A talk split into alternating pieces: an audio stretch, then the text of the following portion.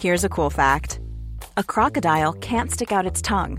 Another cool fact you can get short term health insurance for a month or just under a year in some states.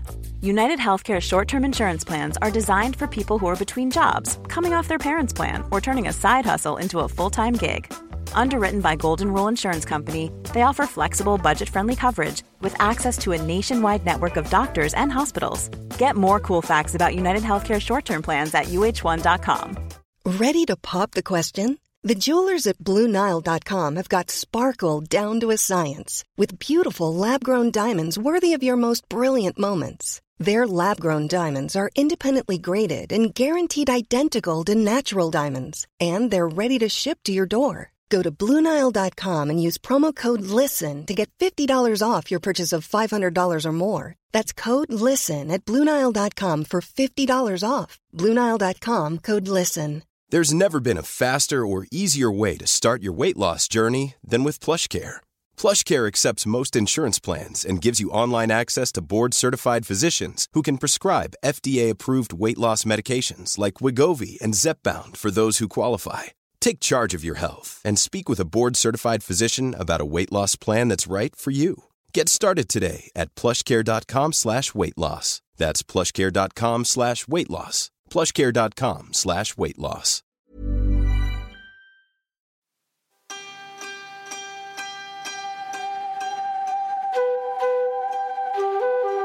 Välkommen till höstens första podd.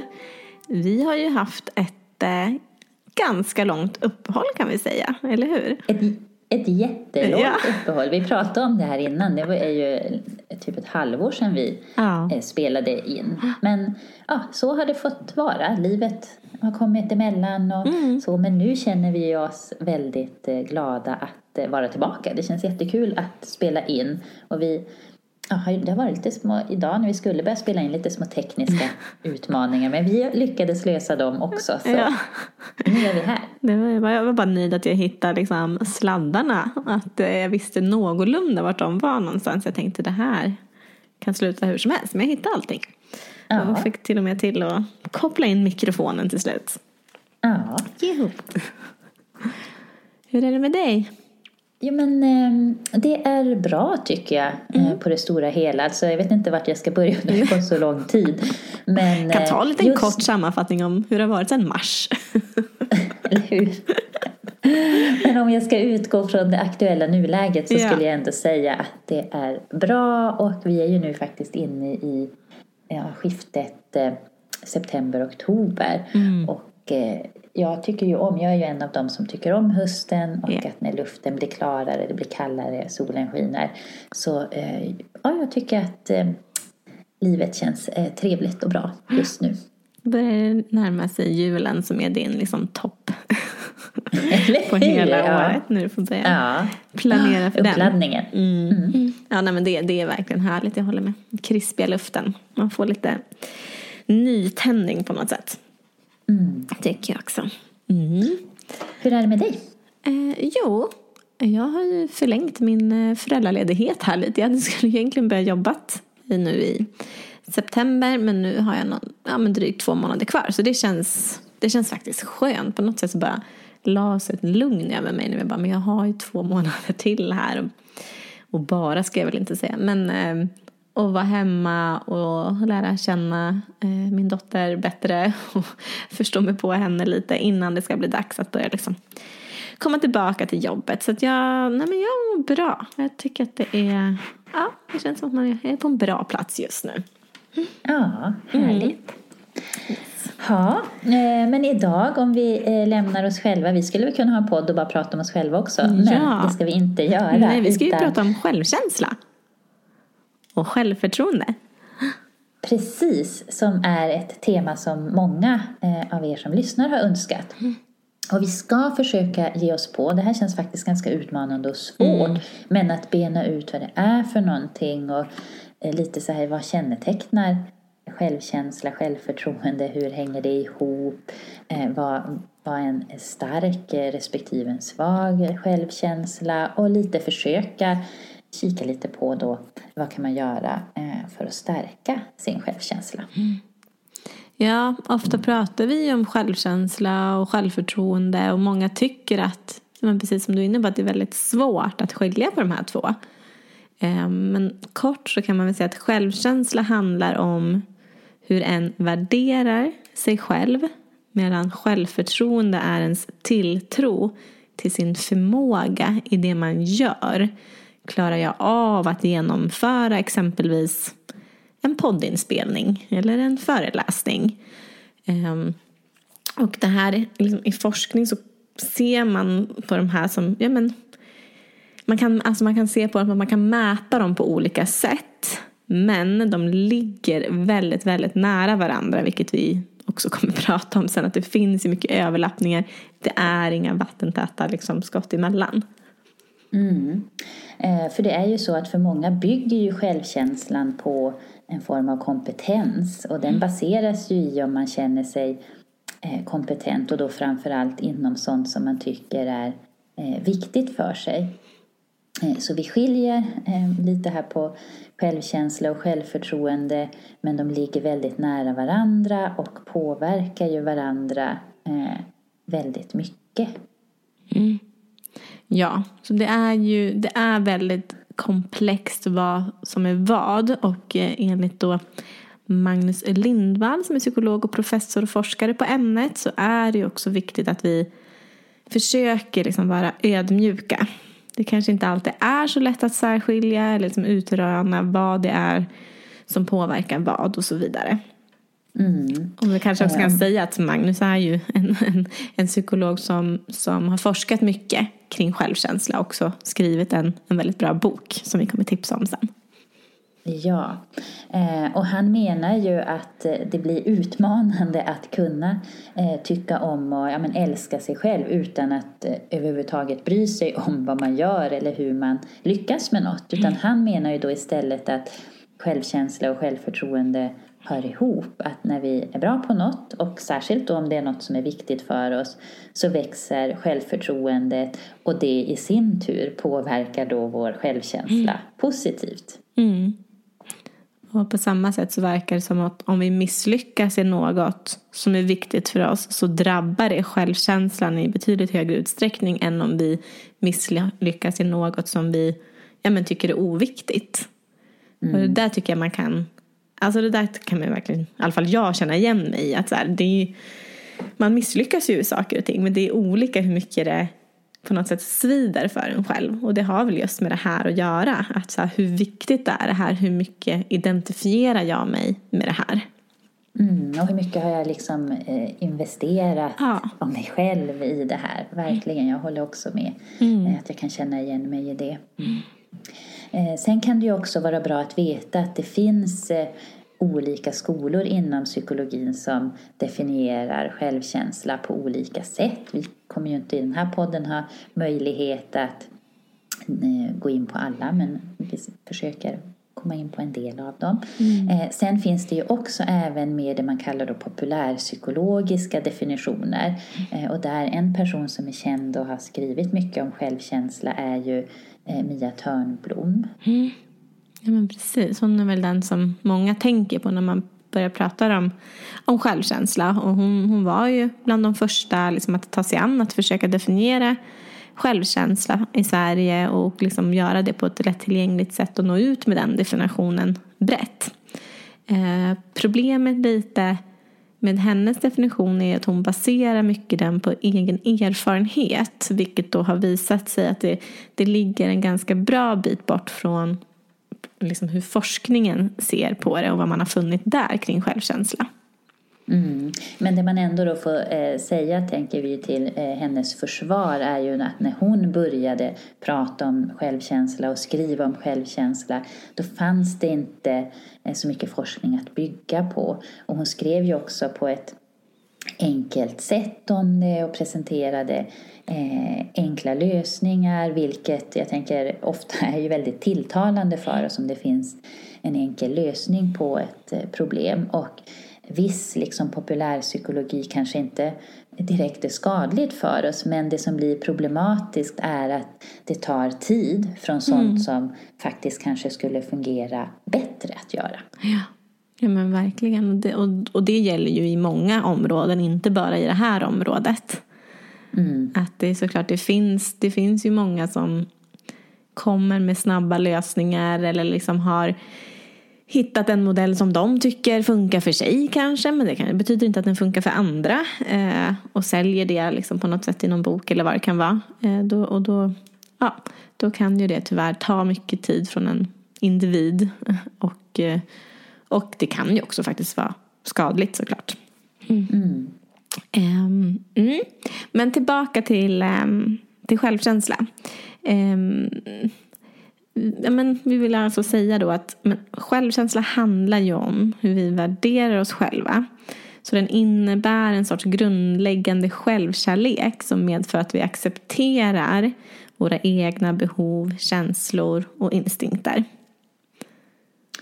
Precis, och man kan ju se eh, att vårt psyke, att det är ju ett komplicerat system där eh, med våra tankar, våra känslor får plats och att de ja, men, ordnas och blandas på många olika eh, nivåer. Och vi har ju läst den här boken Duktighetsfällan.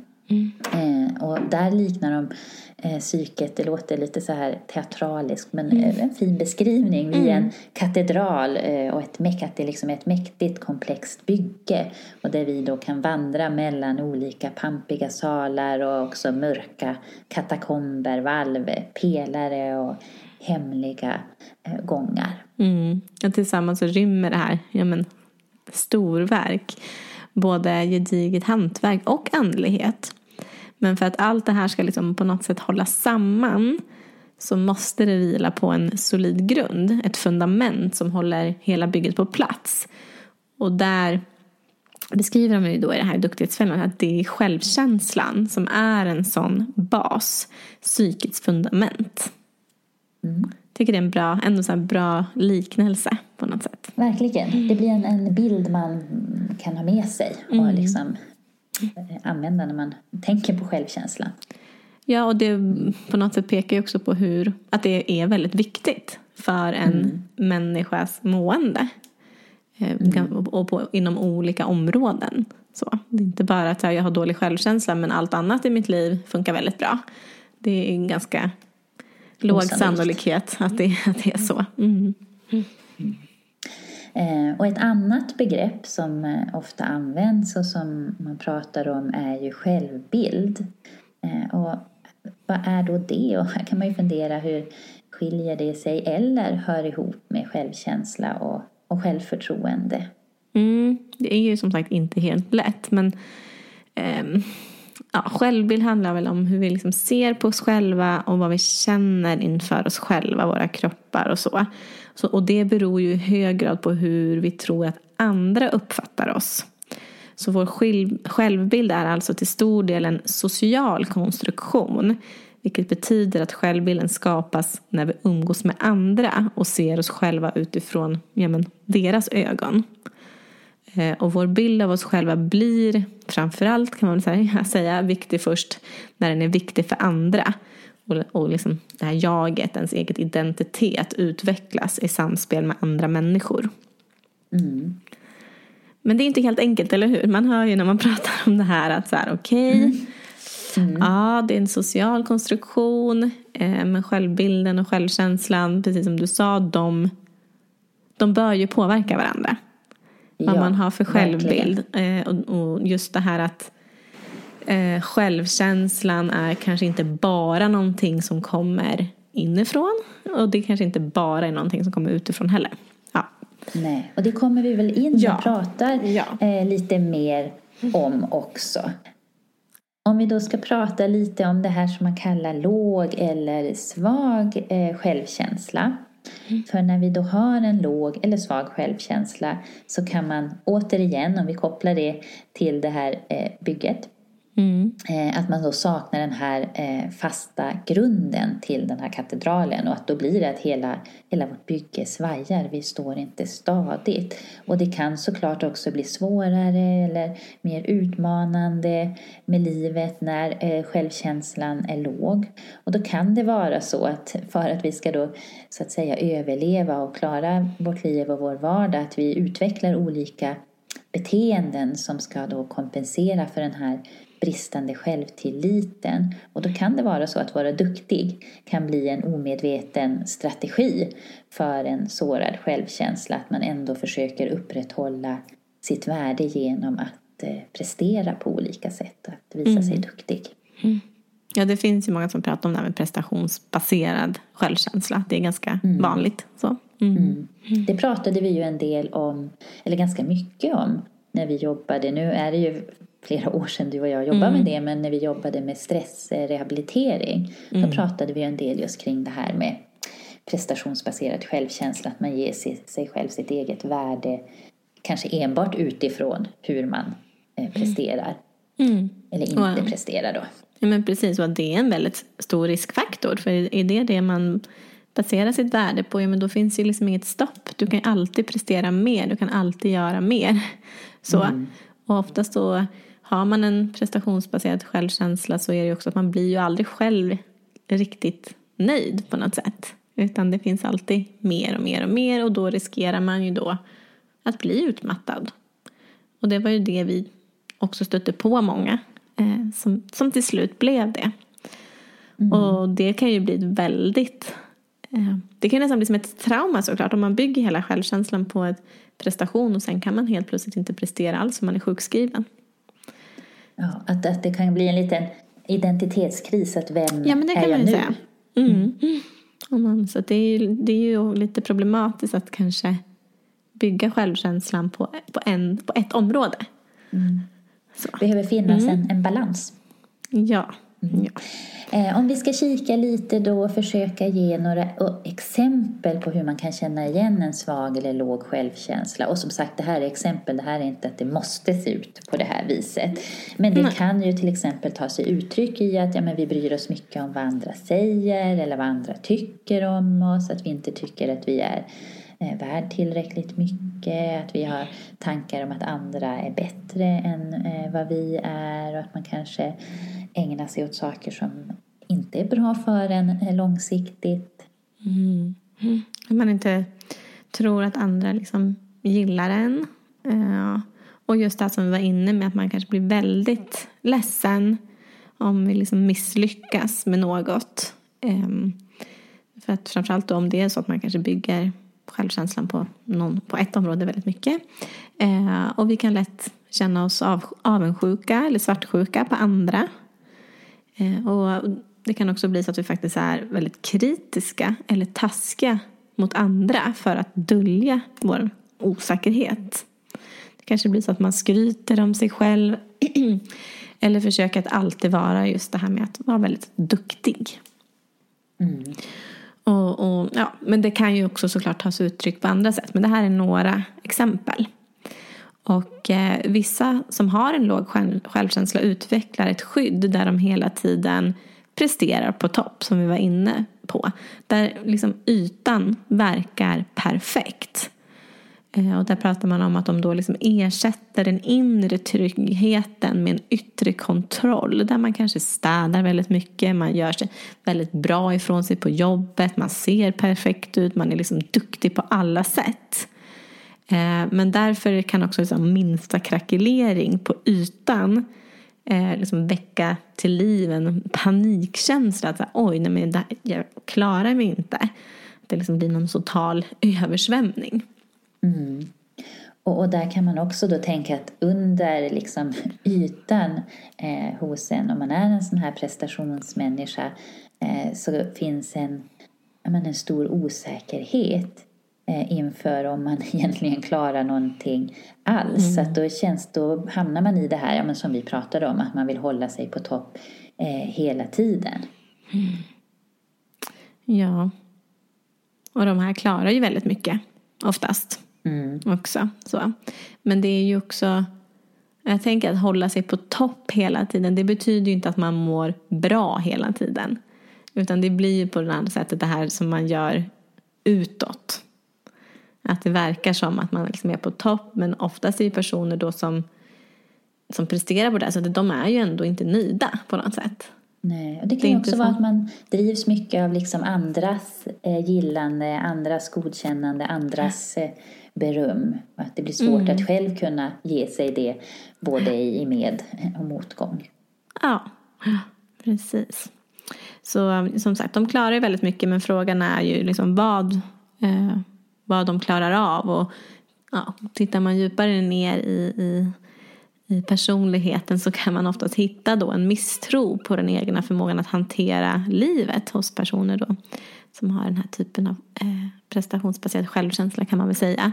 Mm. Um, så de kan liksom mer sakna den känslomässiga potentialen att hantera ja, men motgångar som hör livet till. Till exempel att en relation tar slut eller man förlorar någon eller man har en jobbig bebis som skriker eller ja, man misslyckas på en tenta. Mm. Och där var ju det här som jag var också inne och nämnde lite grann. Men att desto större den här inre osäkerheten är, då blir också behovet av bekräftelse starkare. Om vi har mm. en väldigt skör eh, självkänsla, ja men då behöver vi ofta mer av den här bekräftelsen för andra. Fast det som också kan hända då är att vi, när man får bekräftelsen eh, så litar vi inte på den. Utan mm. innerst inne så misstror man ändå det här eh, berömmet. Och mm. att, att vi tror liksom att allt är fejk och att vi känner oss själva som att vi är fejk och på låtsas. så. Mm.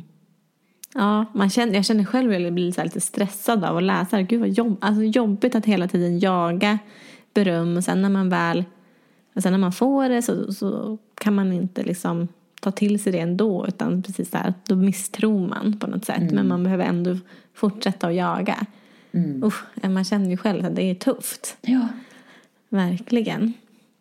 Ja, och det man vet också om personer som, som har eh, låg självkänsla är också att man ser att det är vanligare med eh, ätstörning och depression hos de personerna. Men sen vet man inte riktigt hur det hänger ihop. Så här, vad är det som är hönan och vad är det som är ägget? Får man eh, låg självkänsla för att man har en ätstörning eller är deprimerad?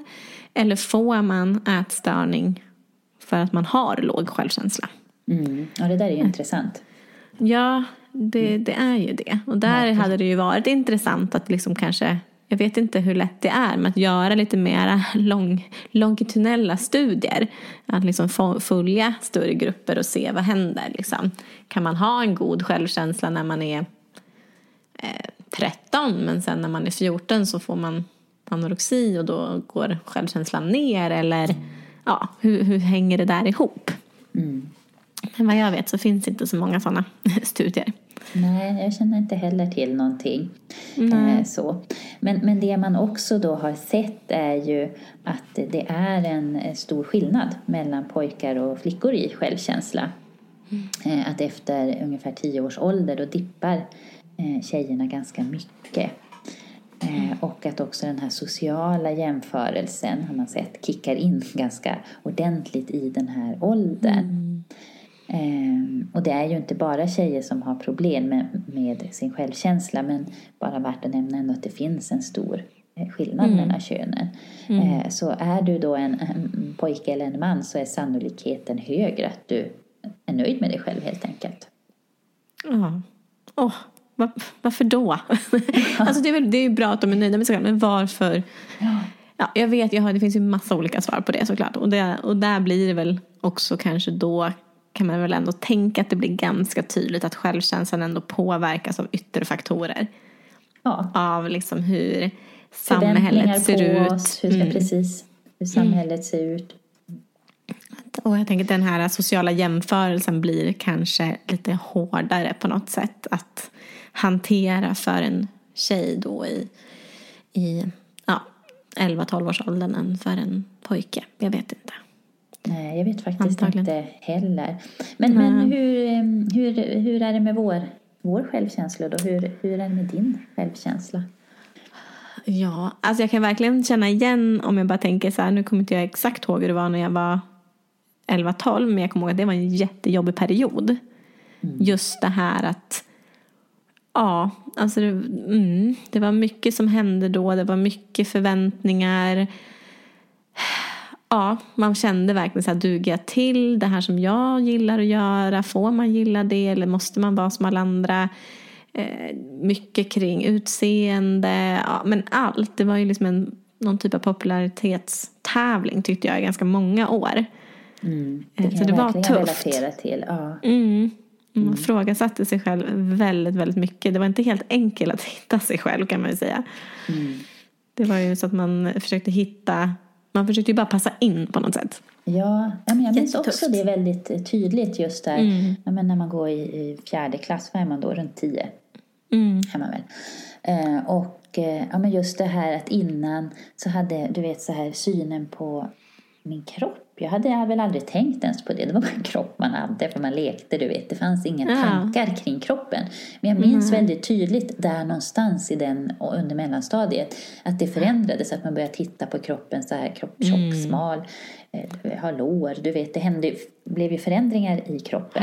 Eh, och också jämförelsen då med andra och vad som var liksom rätt att vara eller inte och så. Så jag skulle nog säga ändå att självkänslan tycker jag, nu är jag ju herregud, över 40 och nu skulle jag ändå säga, våga mig på då och säga att jag faktiskt känner att jag tycker att den är väl eh, hyfsat stabil och ändå Mm. stark, starkare i alla fall. Eh, så.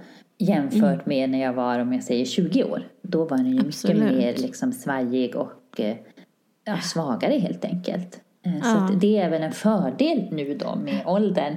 Att jag känner mig eh, mycket lugnare och tryggare och tillfreds och hur jag ser på saker och prestationer och annat. Men med det sagt, absolut, det finns ju utmaningar ändå men eh, jag tycker Ja. ändå att det är en stor skillnad. Som jag, man önskar ju att man hade kunnat få ge den där lilla ungen som var jag då det att man hade kunnat få känna det jag känner idag då.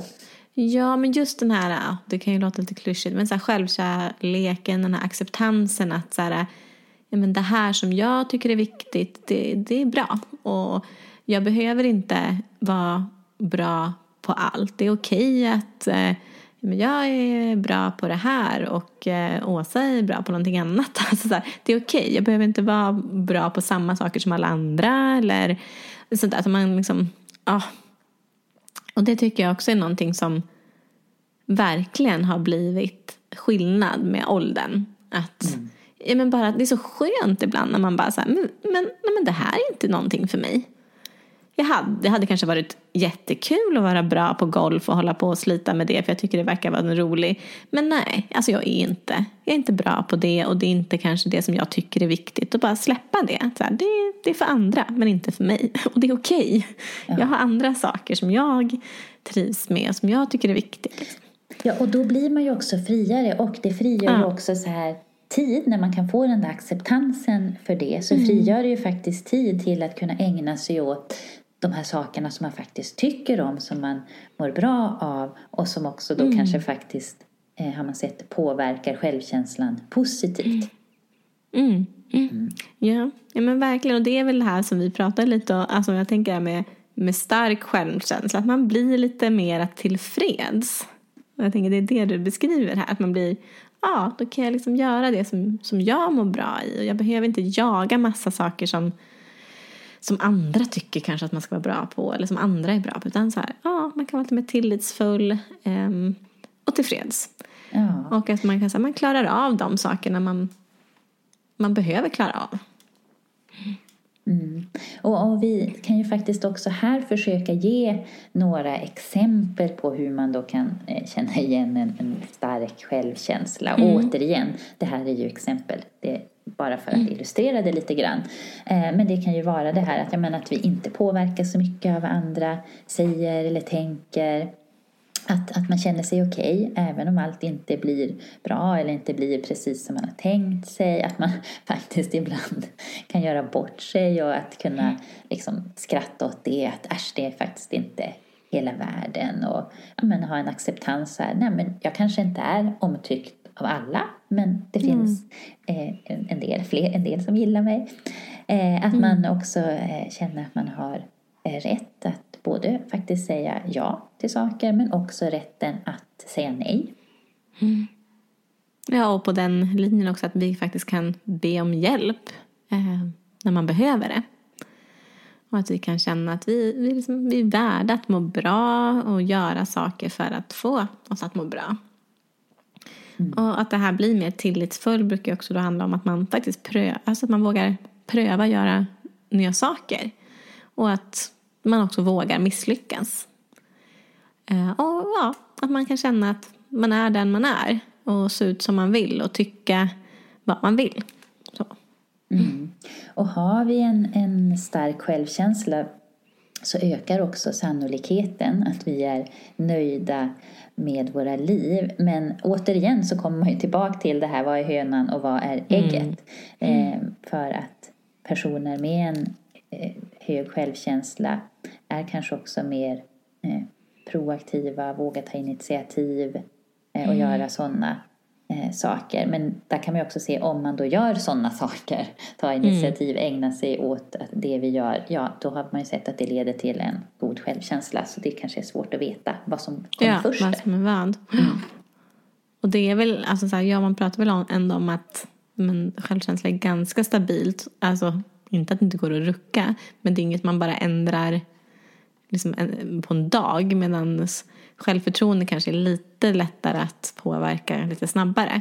Mm. Men att just det som du säger, att, ja, men, ja, närmar man sig nya saker, utmanar man sig, ser man att så här, ja, men jag, jag misslyckades med det där men jag överlever, det går bra ändå. Eh, jag har fortfarande mina vänner kvar eller vad det nu kan vara. Att då kan också självkänslan börja liksom sakta vackert öka. Så. Och, och det det är ju lite intressant att prata om det här. Vad är det som påverkar vår självkänsla egentligen? Det är ju väldigt svårt att se på någon annan hur den personens självkänsla är. Eh, en person som utåt sett kan verka väldigt lyckad, framgångsrik, har många vänner kan ju också känna att den, alltså att den inte duger. Och på samma sätt kan man ju, alltså en person som är mer tillbakadragen och som inte tar så mycket plats kan ju ha en stark självkänsla. Mm. Ja, det är intressant att det inte behöver, annars kan det ju lätt förknippas med att ja. en stark självkänsla är detsamma som att vara utåtriktad. Men att det faktiskt ja, så framgångsrik. Det, och framgångsrik och så. Men så behöver det ju inte alls vara. Nej, verkligen inte. Mm. och Marit Jonsson, hon är psykolog och docent och hon beskriver, då apropå det här vad som påverkar vår, känsla, eh, vår mm. självkänsla, eh, att vi under tidiga år bygger upp en form av det hon kallar idealbild av oss själva, en slags ryggradskänsla för vilka vi är. Och är då den här, då kommer vi in på igen självbilden, är den här mm. självbilden realistisk kan vi då leva upp till den. Men om vi istället har en orealistisk självbild så kan det i sin tur leda till en låg självkänsla. Och som ja, men vi nämnde, det kan ligga eh, bakom då olika eh, psykiska problem och till exempel då mm. depression, ätstörning. Mm. Men återigen, lite lurigt där vad som kommer mm. först. Mm. mm. Precis, och det, och det här pratade vi också om i början lite. Det har, det är ju liksom länge diskuterats vad det är som som ja, men, ger en människas den grundläggande självkänslan? Är det kompetens? Eller handlar det om tidig bekräftelse från liksom, personer, viktiga personer i omgivningen? Och där menar väl också Marit då att ja, men sanningen ligger troligtvis där någonstans mittemellan. Att eh, vi blir till i ett växelspel med andra Samtidigt som vi också stärks av att kunna något, alltså det här med kompetens. Och att vi också liksom, vi är påverkade av vår egna aktiva insats. Men också av våra närmaste. Alltså vi är inte bara passiva och blir bara, bara påverkade av våra omgivning. Det handlar ju också mycket om vad vi gör, vad vi märker att vi klarar av och så. Mm. Eh, och sen kommer vi ju också till det här hur ens eh, föräldrar behandlar en som barn. Mm. Att det också faktiskt kan påverka eh, självkänslan. Däremot finns det inga tydliga modeller som visar exakt på hur det funkar men att man har sett att det finns ett samspel som vanligt skulle jag säga när vi pratar mm. psykologiska eh, förklaringsmodeller mellan våra gener och eh, miljön som vi befinner oss i. Och det mm. går inte att säga att ja, men alla som har en god och trygg uppväxt får en god självkänsla eller tvärtom. Men mm. det är ju ingen nackdel för vår självkänsla eh, om vi har en trygg uppväxt. Det är väl inte en nackdel för någonting egentligen att ha en trygg Nej. uppväxt. Nej men precis. Och det är ju, ja, miljön blir ju väldigt mycket i vår unga ålder, blir ju miljön våra föräldrar till stor del. Det är de som till stor del liksom skapar vår miljö. Så det, därför blir ju våra vårdnadshavare eh, viktiga i, precis när vi börjar i alla fall utveckla vår självkänsla.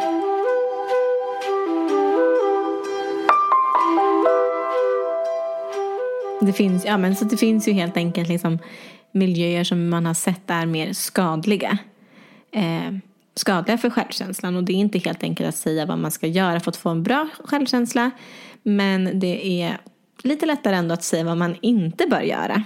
Och där är det just det så här, men man, man bör inte vara i en destruktiv miljö. Och, och där kommer vi tillbaka till det, det är inte alltid så lätt kanske.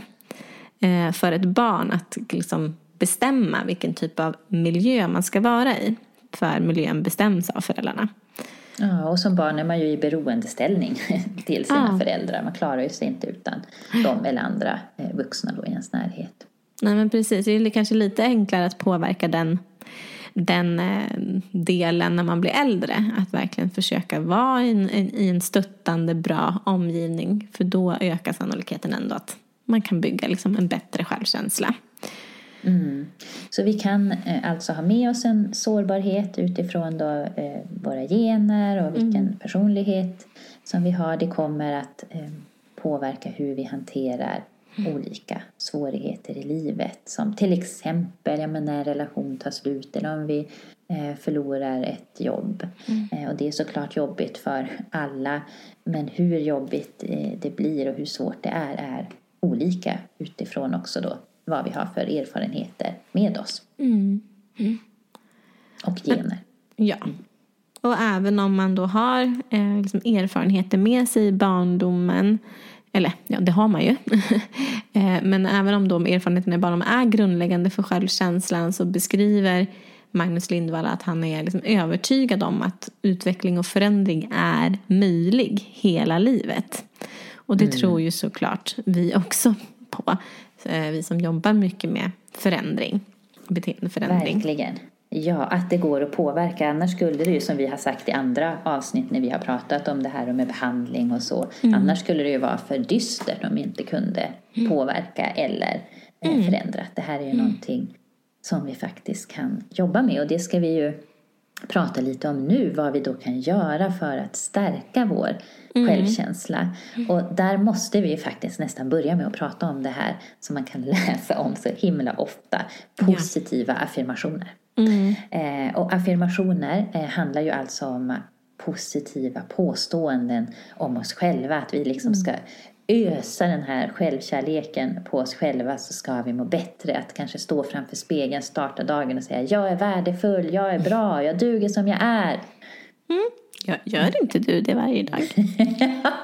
det vore ganska kul om jag gjorde det.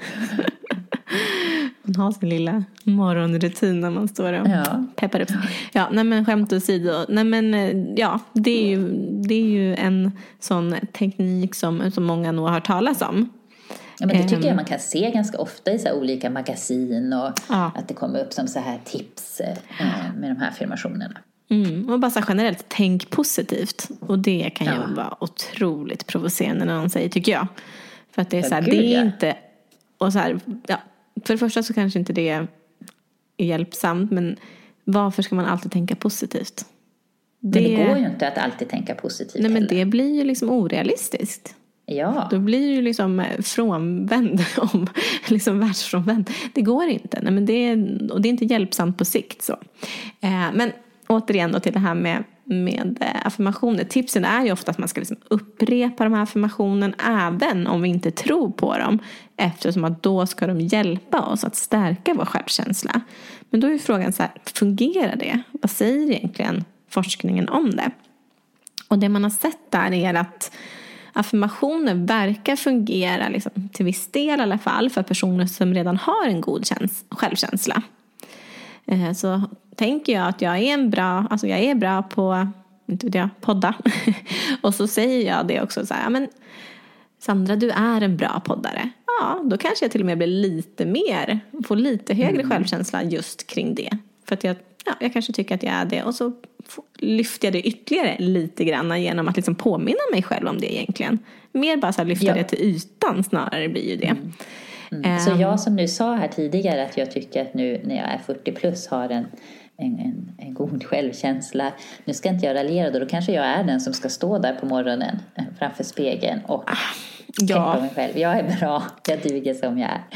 då är det ju återigen det här. lite. Ja, jag förstår att du skojar, men återigen det här, så här. Ja, men är det ett bra sätt att spendera din tid? Det finns nog faktiskt saker du kan göra med den tiden som faktiskt påverkar dig eh, liksom mer positivt på andra sätt än att stå Ja, att få och sitta i lugn och ro i soffan med min kaffekopp. Alltså det är min bästa morgonrutin. Ja. Det får mig att må så jävla, rent ut sagt, bra.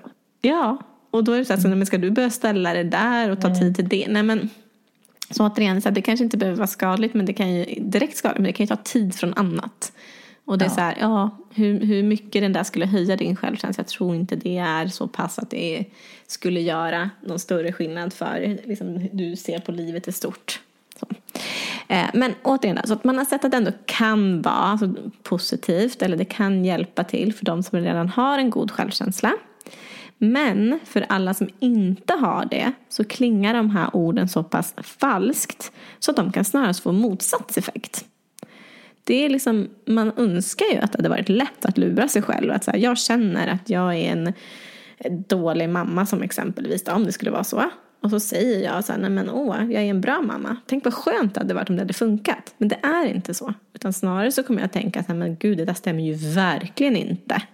Min hjärna kommer säga till mig, men vad håller du på med? Varför står du och säger att du är en bra mamma? Du är ju värdelös. Och så kanske jag får ännu sämre liksom, självkänsla just kring det. Ja, och där menar ju eh, återigen då, om vi refererar till Magnus Lindvall, att han menar att man med då hjälp av olika tekniker och jagstärkande övningar försöker jaga den här självkänslan. Att det är faktiskt eh, lika kontraproduktivt som när vi kanske försöker jaga lyckan. Att båda de här eh, tillstånden beskriver han det är liksom undflyende. Ja, så liksom hög självkänsla är snarast en bieffekt av något annat. Så det bästa vi kan göra för att få den att växa är att ägna oss åt sådant som vi tycker är roligt och viktigt. Mm. Men dock så kan vi inte enbart välja det som är enkelt och roligt för att vi ska få en stark och stabil självkänsla. Utan då kan vi också behöva öva upp vår förmåga att övervinna motstånd och att stå ut med att misslyckas. Men där får man väl säga relaterat ändå till sånt som är viktigt och meningsfullt för oss. Mm. Ja men verkligen. Och ehm, ja, men det finns egentligen två grundläggande helt olika sätt att se på meningen med att anstränga sig. Det som har fått, de som har fått lära sig att talang och intelligens är något medfött man inte kan göra något åt eh, tenderar att välja säkra kort och en, enkla lösningar och ger upp om det inte går bra med en gång. Eh, ett misslyckande skulle vara ett kvitto på att de var dumma och utan talang. Mm. Medan då den andra uppfattningen eh, är att övning ger färdighet. Eh, att det finns ingen anledning att ge upp bara för att man kanske har misslyckats en eller två eller tre gånger. Utan att, ja men helt enkelt, vi är alla olika och vi har alla olika förutsättningar. Men att misslyckanden är en naturlig del i utvecklingen för oss alla. Till exempel, ja men de som är om nu ska ta det så långt, bäst i världen på sitt område. De har ju misslyckats hur många gånger som helst och tagit lärdom av det. Det tycker jag när man lyssnar på poddar till exempel i så här entreprenörskap och Ja. företagande. Så det som många pratar om är ju alla de här misslyckandena de har varit igenom innan de har nått framgången och att få, inte ha gett upp då utan att se det just som lärdomar. Vad kan jag ta med mig från det här in i, i nästa? Ja. Och vad, vad händer om vi inte kan misslyckas? Men alltså då, då får vi ju undvika allt sånt som liksom potentiellt skulle kunna bli liksom ett misslyckande. Och då, då kan vi ju säkert inte närma oss, speciellt mycket saker i livet som är viktiga för oss. För de flesta sakerna, de flesta utmaningarna, det är, ja, det är såklart, vi kan ju misslyckas med väldigt mycket. Alltså det är ju, ja, det är ju det är väldigt få saker man går in, med, går in i, tycker jag i alla fall. Om jag tänker jobb eller köpa hus eller flytta. Man kan ju aldrig veta innan. Så här, kommer det här bli bra? Alltså nej. Det, nej, det kan bli dåligt. Det där huset kan vara ruttet eller det där jobbet kan vara fruktansvärt. Alltså, eh, och då, ja, men vad alternativet är att man inte gör någonting. På något sätt. Nej, då fastnar man ju. Och ja. det tänker jag leder ju verkligen inte till att man eh, mår bättre. Nej, och, och, då blir det ju ingen utveckling överhuvudtaget. Nej, eh, så. då står man ju still. Mm. Men det är ju läskigt också med Eh, förändring och att utmana sig själv. Så det behöver man ju också påminna sig om. Men att se om vi inte gör det så kommer det med största sannolikhet kanske då leda till att vi mår sämre och inte får någon utveckling och inte lever vårt liv så mm. som vi önskar och vill. Mm. Och självkänslan blir helt enkelt låg av det. Ja.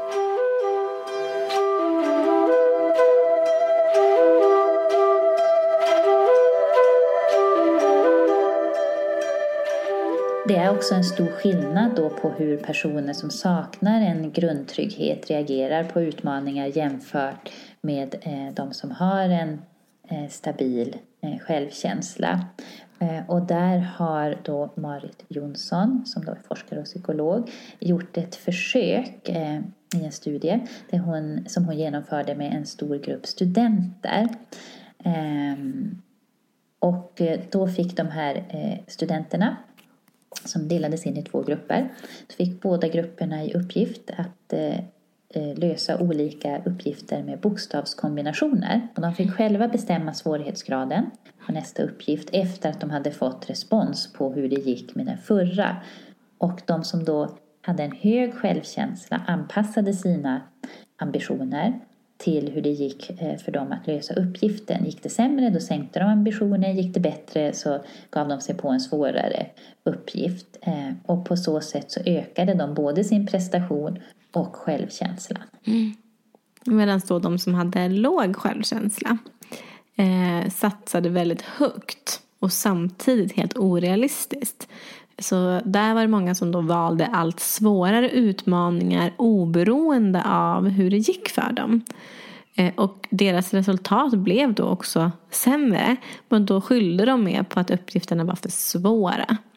Eh, så experimentet visar lite att de här liksom, de som presterar väldigt mycket och ser det som något väldigt viktigt för sin självkänsla ser utmaningar snarare som ett hot medan de andra ser utmaningar som ett tillfälle att lära och få extra stimulans. Mm. Och det är ju intressant. Ja, väldigt intressant. För man, jag vet inte, jag hade nästan kunnat tänka att här har man låg självkänsla så bara nej, nej, man tar bara de allra, allra lättaste uppgifterna. Men har man då den här att man hela tiden ska liksom prestera och vara bäst. Man har någon typ av bild av att det, det är så man måste göra så, så mm. blir det kanske snarare att man väljer den här strategin, att man bara kör mm. på fast det blir helt orealistiskt. Mm, alltså den prestationsbaserade självkänslan ja. kanske. Mm. mm. mm. Ja, jätteintressant. Mm.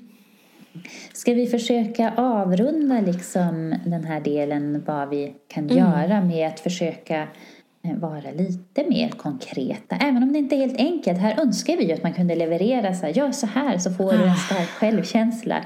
Men mm. eh, det finns ju inte så. Man behöver utgå från vem man är också såklart. Mm. Eh, men det man ändå kanske kan tänka lite är det här som vi brukar prata om. Jag tänkte apropå det du sa om att så här man ska tänka positivt. Att mm. istället så här, nej det behöver vi kanske inte göra. Men att vi kan ju välja att agera utifrån att göra saker som vi mår bra av. Mm. Som är viktiga för oss. Och att öka vår kompetens där. Att det är mm. någonting som kan då stärka vår självkänsla. Och jag tänkte då apropå det här med tankar också. Som kanske faktiskt kommer förändra de här eh, jobbiga tankarna eller så. När mm. vi börjar engagera oss i sånt som vi mår bra av. Att det mm. verkar vara bättre än att och istället acceptera att det kommer vara dagar och stunder när vi har obehagliga, jobbiga, kritiska tankar. Men att vi kan välja hur vi vill agera. Eller ja. inte agera på tanken. Ja.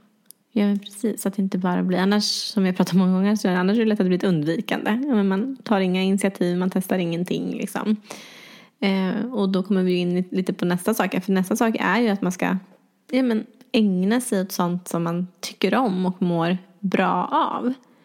Och det kan ju vara då att man, om man undviker allting som kanske kan bli lite jobbigt eller sådär, men då kanske man inte heller ägnar sig åt sånt som man tycker är viktigt och som man mår bra av.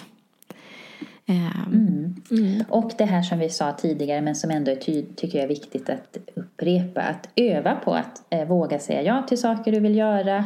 Saker som känns bra, härliga, spännande och utmanande. Mm. Men också att öva på att våga säga nej till saker som du egentligen inte vill göra eller som blir dåliga för dig. Mm.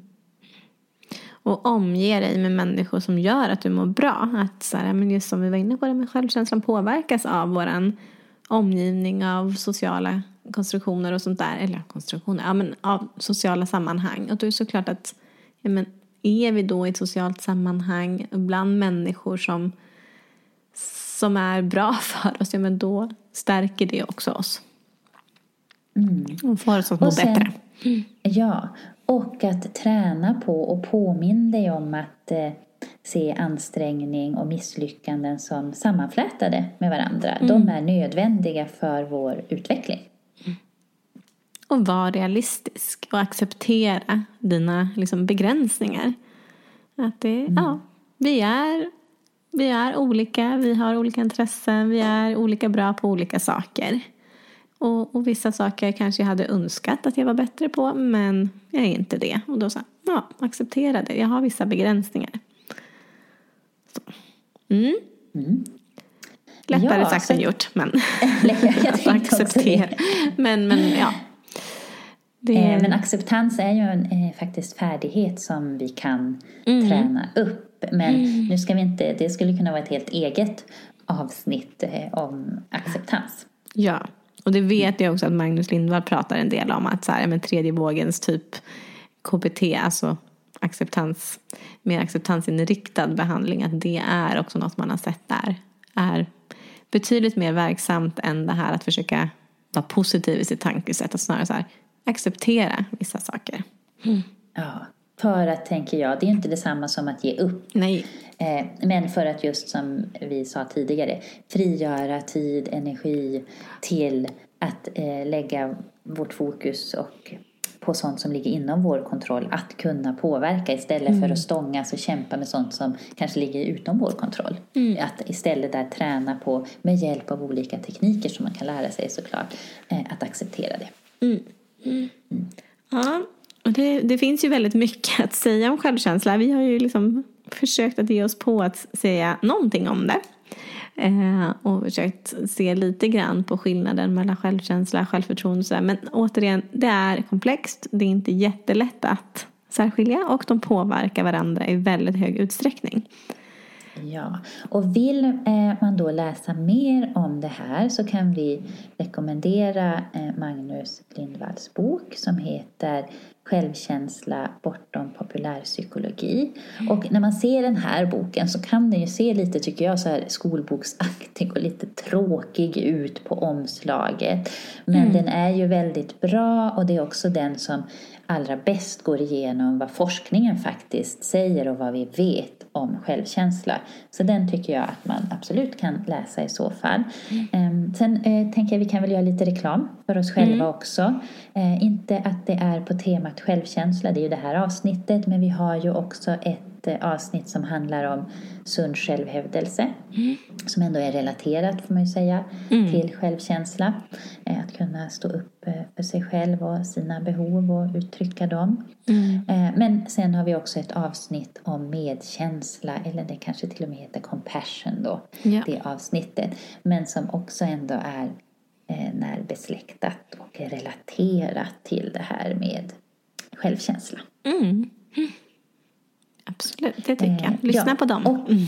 Ja, och är man också kanske lite yngre, om lite yngre här tänker jag kanske om man är i tonåren mm. eh, och lyssnar på podden så eh, tycker vi ju också att på umo.se, alltså ungdomsmottagningen på nätet, där skriver de också eh, fint och bra om självkänsla. Så där kan man också kika in om man vill. Ja, ja men bra. Då har det här avsnittet kommit till sitt slut då. Ja, undrar hur långt det blev. Vi tänker ju alltid så här, nu ska vi köra ett rappt 30 minuters avsnitt och sen blir det ett lite puttrande 60 minuter. Ja. Vi får väl se. Jag gissar att det här också är där någonstans. Ja, vi får se. Eh, jag klipper bort väldigt- det du säger så blir det. du tar med det viktigaste. Jag tar med det viktigt. Nej. se. Åh, det vore kul. Ja. Men i alla fall så eh, det känns väldigt kul att vara igång med podden igen och vi hoppas att det ska också komma. Det är vår plan. Några fler avsnitt här under hösten. Under hösten. Men eh, som sagt, tack eh, för att ni lyssnar på podden och ni kan alltid skicka in frågor, funderingar eh, till oss på Instagram där vi finns och heter också då såklart psykologsnack. Eh, behöver man mer hjälp om man mår dåligt då rekommenderar vi att man vänder sig till sin eh, vårdcentral i första hand. Ja. Tack för idag. Tack för idag. Hej då!